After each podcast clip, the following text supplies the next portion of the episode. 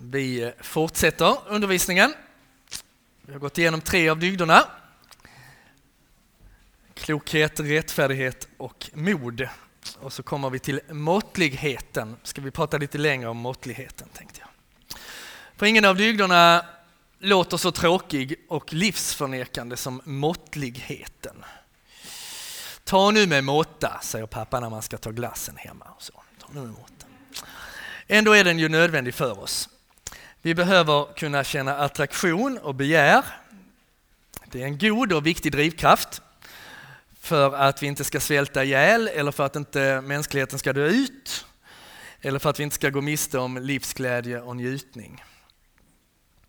Men våra känslor är inte moraliskt medvetna. Det finns ingen moral i våra känslor.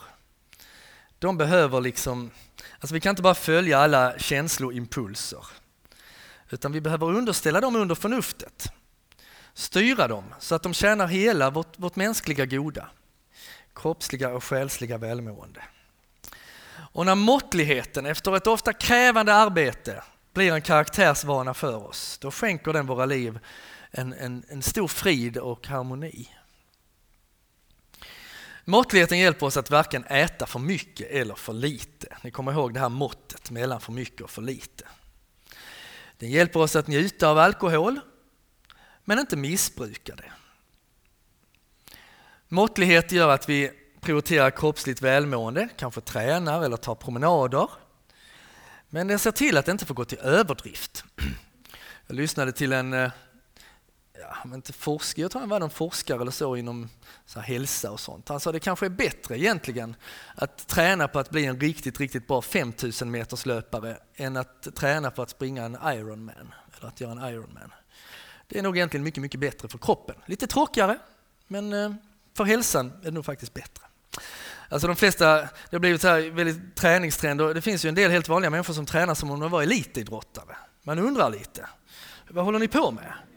Att det lite, kanske får bli lite för stor del av livet det här med träning. Det kan faktiskt bli för mycket. Eh, kan också bli för lite.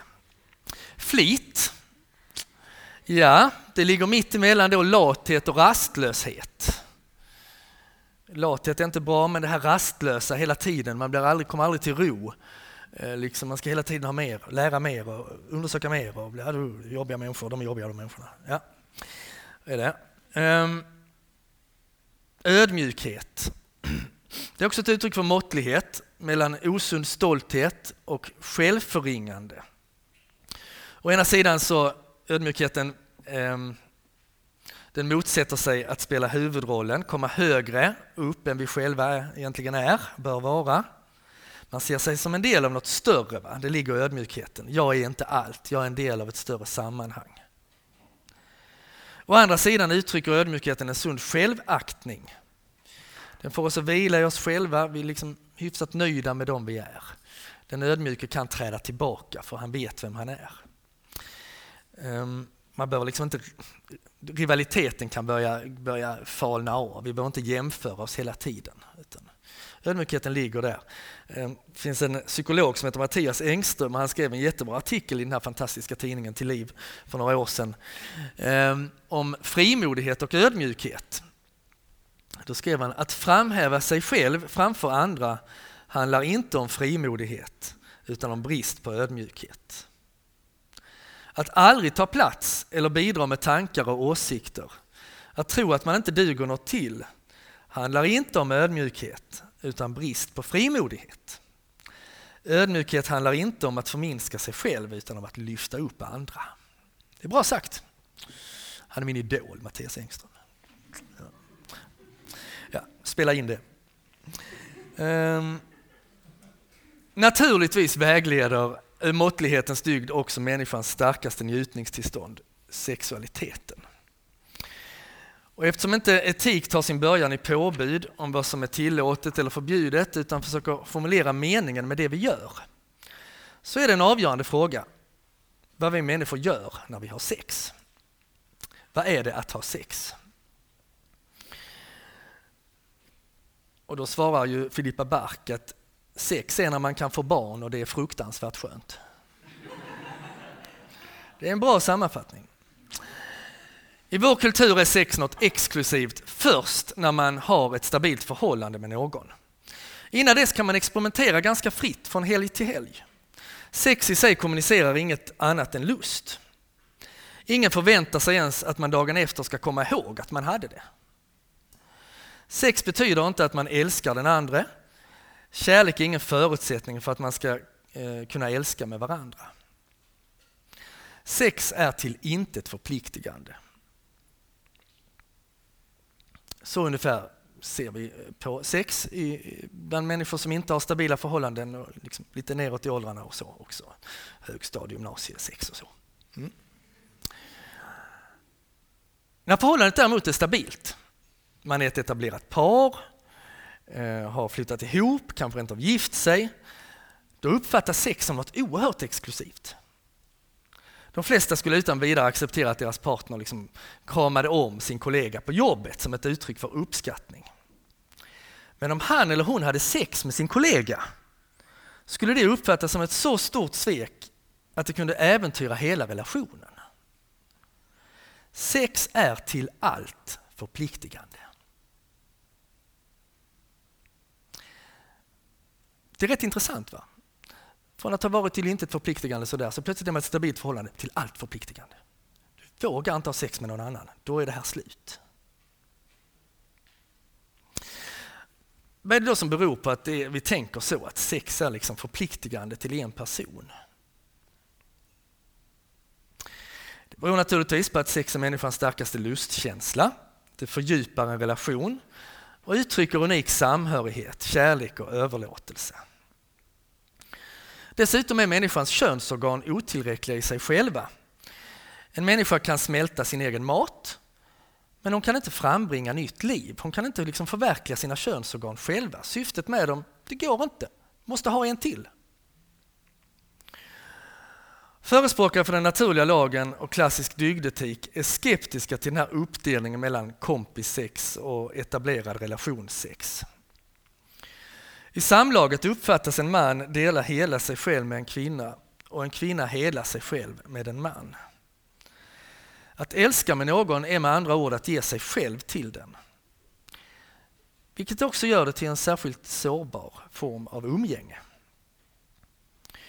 I många fall kommunicerar den sexuella föreningen dessutom en vilja om ett liv och en framtid tillsammans med gemensamt ansvar för det barn som, som kan bli till. Och därför har också indirekt sexualiteten en offentlig sida. Förverkligandet av dess biologiska aspekt och funktion förutsätter ett nät av relationer, alltifrån barnmorskor, läkare, apotekspersonal, lärare, handbollstränare, ridtränare, badvakter, barnvakter, mor och farföräldrar, församlingspedagoger. Alltså dygdetiker och förespråkare av den naturliga lagen ställer frågan vad är sex och kommer fram till att det är mer än bara ett uttryck för tillfällig lust. Och därför avvisar man lösa relationer.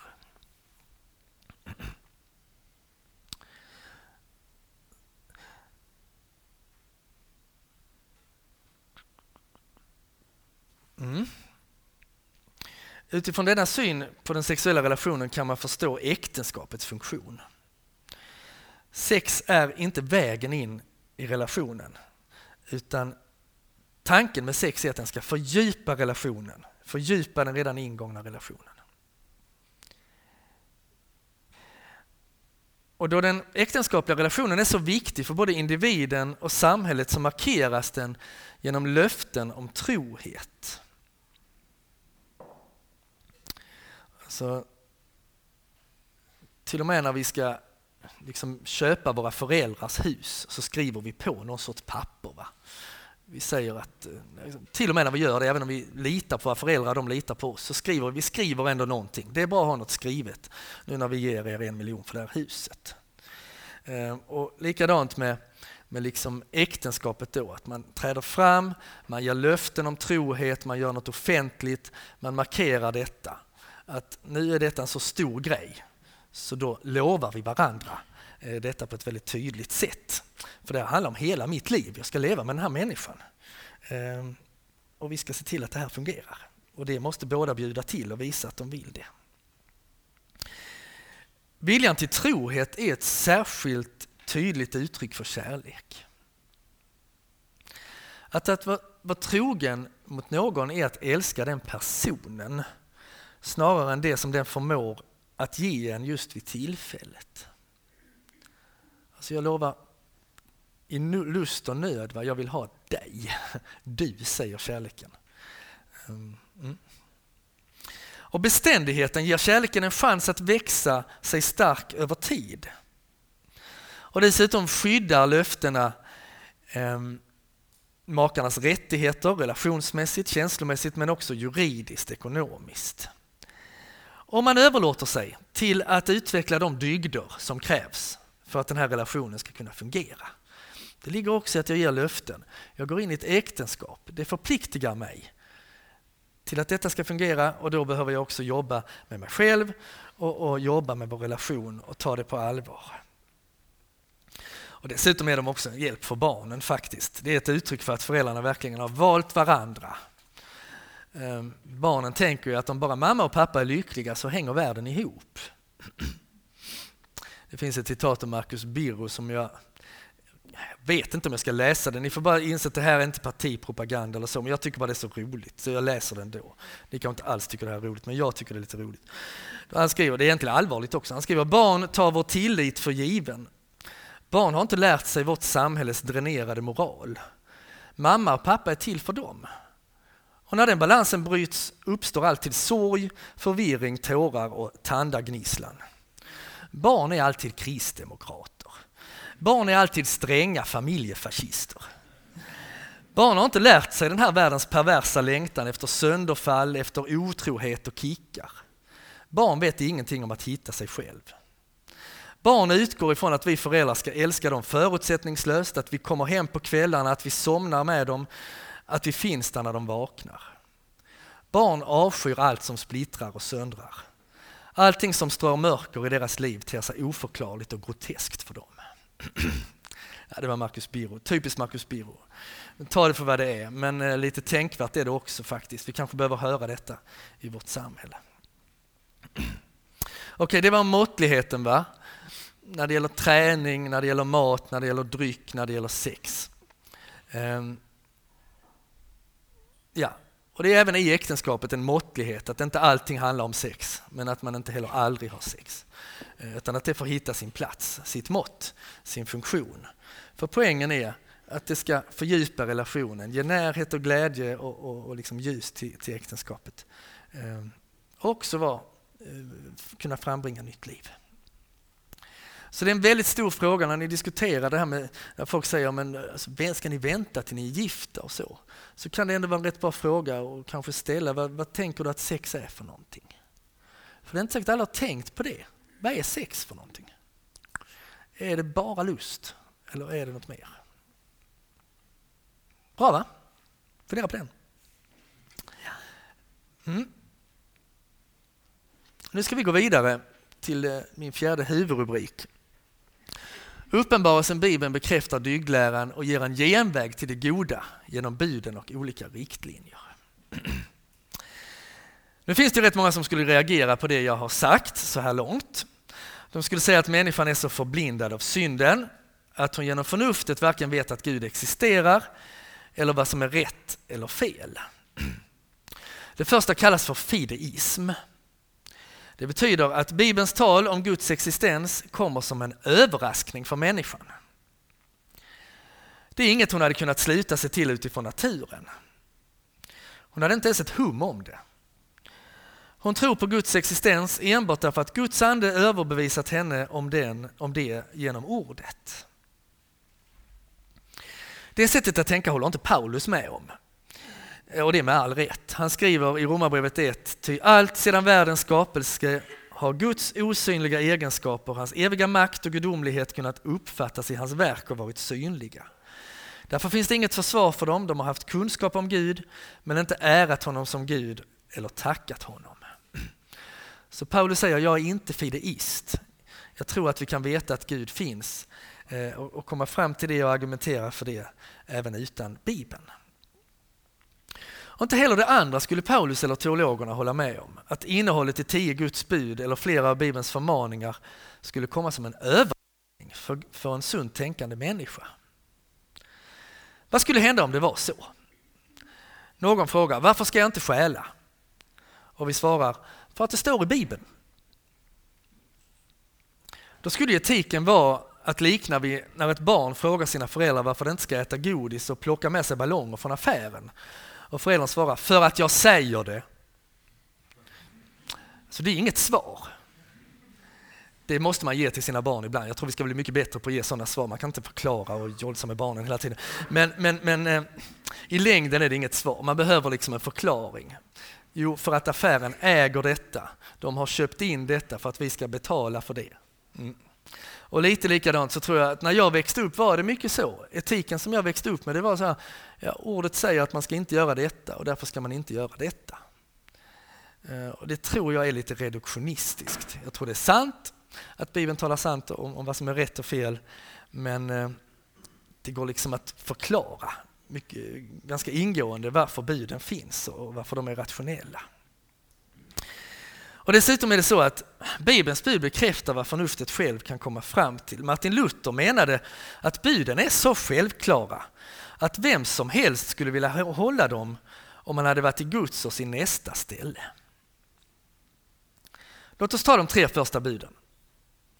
Ur slutledningen att Gud existerar följer att han ensam ska bekännas, vördas och tillbes. Du ska inga andra gudar ha jämte mig. Du ska inte missbruka Guds namn. Mm. De ligger där. Va? Gud finns.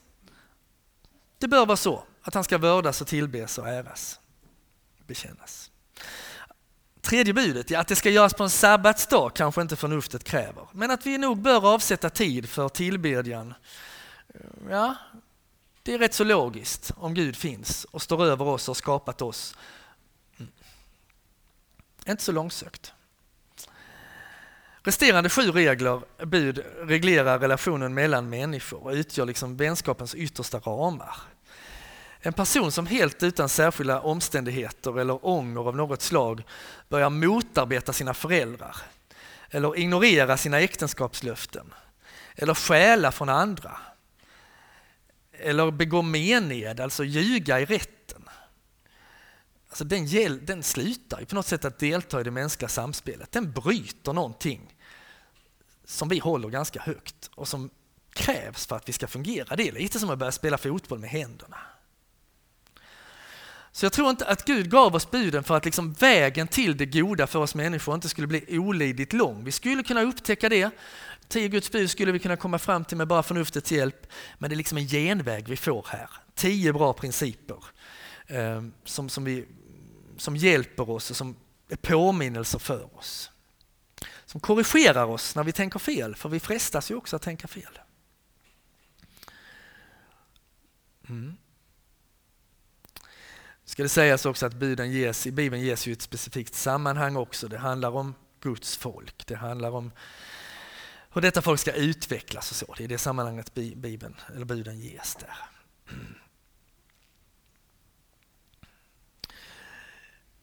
Men dygden då? Ja, det begreppet finns inte så mycket i Bibeln, men på något ställe gör det det. Ska vi se här om det finns någonstans. Och så mina bröder, det som är sant, det som är upphöjt, rätt och rent, det som är värt att älska och akta, det som kallas dygd och allt som förtjänar beröm. Ta fasta på allt detta. Filipperbrevet 4.8.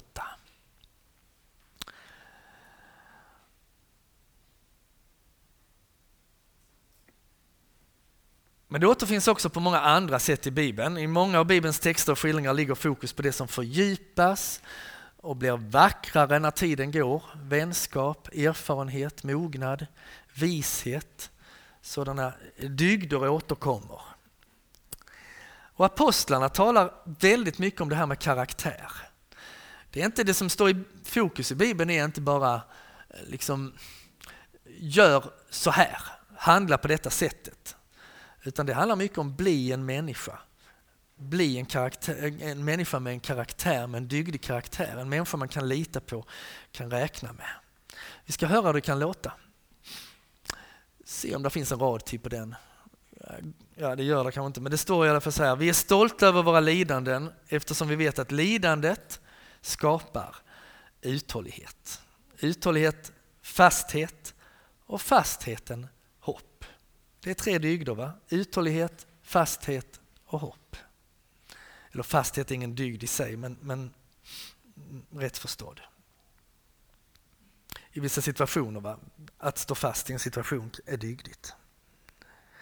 Sök därför med all iver att till er tro foga styrka, till styrkan kunskap, till kunskapen självbehärskning, till självbehärskningen uthållighet, till uthålligheten gudsfruktan, till gudsfruktan broderlig omtanke och till omtanken kärlek.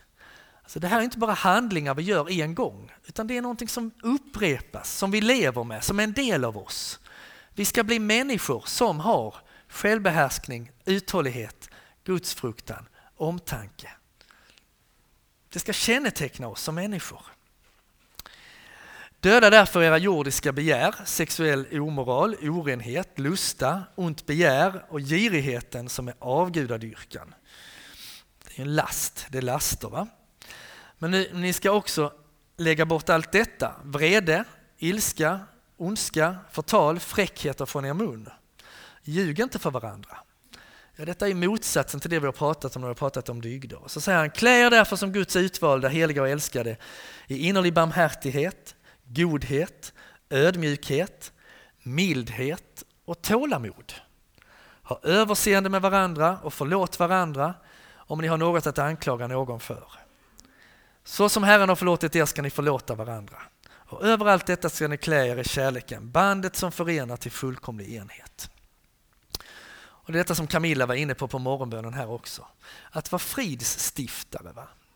Det är också en dygd, precis i linje med detta Paulus skriver här. Första Korinthierbrevet 13. Kärleken är tålig och mild. Kärleken avundas inte, den skryter inte, den är inte uppblåst. Den beter sig inte illa, den söker inte sitt, den brusar inte upp, den tänker inte på det onda. Den gläder sig inte över orätten men gläds med sanningen. Allt bär den, allt tror den, allt hoppas den, allt uthärdar den. Kärleken upphör aldrig. Så ser ni hur långsiktigt detta är, hur uthålligt detta är. Kärleken är liksom en fasthet i oss. Något som gör att vi står där och fortsätter. Ehm, mm. Så Nya Testamentet talar mycket om dygd. Och när vi kommer till Andens frukter, kärlek, glädje, frid, tålamod, det är dygder. Eh, Jesus eh, nämner saligprisningarna. Va? Salig den som är fattig i anden. Eh, salig den som stiftar frid. Mm. Ödmjuke, den ska besitta landet eller vad det är där står. Va? Så. Eh, mm. Så Bibeln tar vid där liksom det vi kan komma fram till med förnuftets eh, hjälp, där tar Bibeln vid och berättar mer och fördjupar bilden. Och det är nästa sak vi ska se på, hur uppenbarelsen av anden ger en ny vision en ny etisk vision och en ny vision för livet. För nu har vi talat om naturliga lagen, klassisk dygdetik och då ska vi fråga oss hur Gud kommer in i bilden. Ja, det gör han för det första som alltings orsak, alltings första orsak. Guds godhet är måttstocken för all godhet. Om man talar om den naturliga lagen, det vi kommer fram till med förnuftet är förankrat i en evig lag. I skaparens goda vilja och tanke med människan och världen hon lever med. I. Och där har vi Bibeln som avslöjar den eviga lagen, Guds, Guds tanke med människan och vilja med människan. Inom liksom dess ramar, och dess, där finns rum och där finns ramar. Det är det vi behöver som människor. Vi behöver rum och ramar. Och lagen ger oss det. Den ger oss rum och den ger oss ramar. För det andra kommer Gud in som givare av en ny lycka. Vi talade om hur dygderna eh, skapar lycka. Va? Det hjälper oss att nå målet som gör att vi fungerar som människor och kan leva lyckliga. Det är ett viktigt mål, människans och samhällets goda. Men det finns också ett ännu högre mål, den himmelska lyckan, saligheten. Att leva i evangeliernas rytm är detsamma som att upptäcka att vi människor är skapade för lyckan. Det är liksom glädjeträngsel i evangelierna när man möter Jesus. Runt honom blir människor glada, man liksom befrias, man anar det himmelska livet. Och så kommer Gud in i bilden som givare av de tre teologiska eller teologala dygderna. Tro, hopp och kärlek. Har vi det också där? Inte? Nej. Det är lugnt.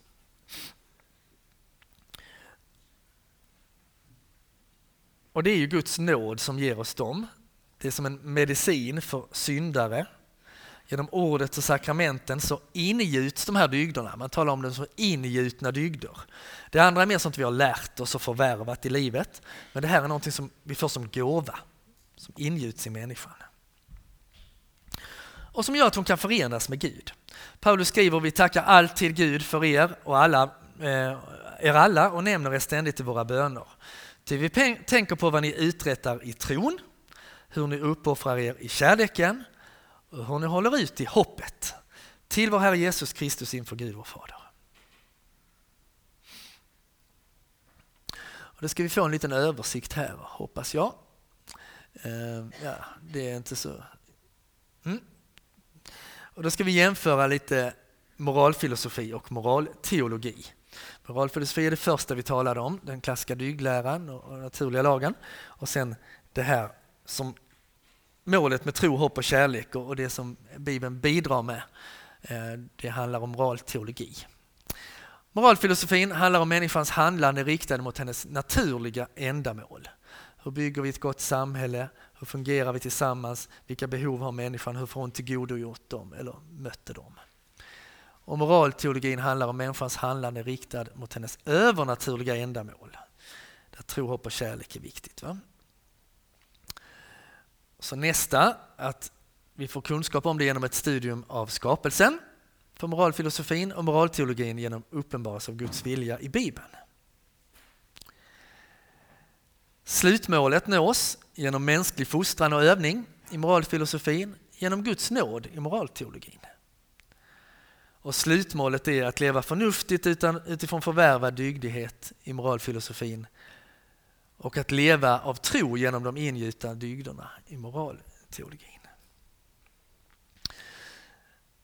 Så då ska vi säga någonting om de här tre dygderna. Tron först.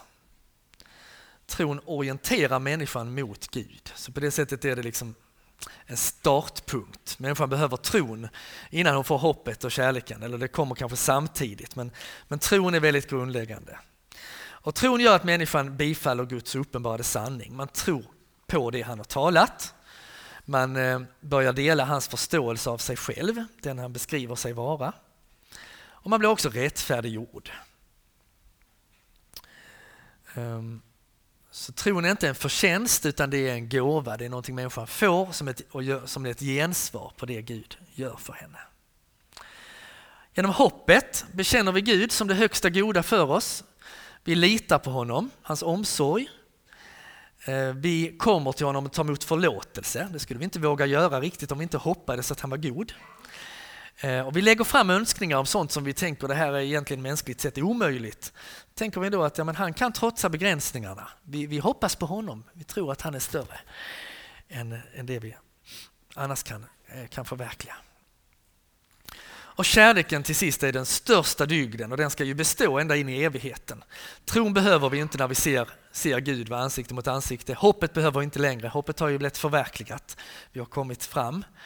Ehm, men kärleken, den största dygden, den fortsätter. Den är ett deltagande i Guds innersta väsen.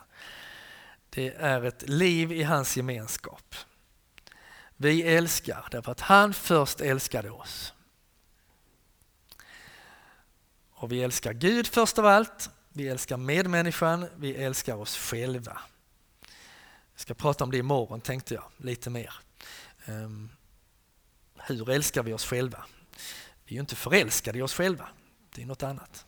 Men att älska sig själv kan vara ganska bra.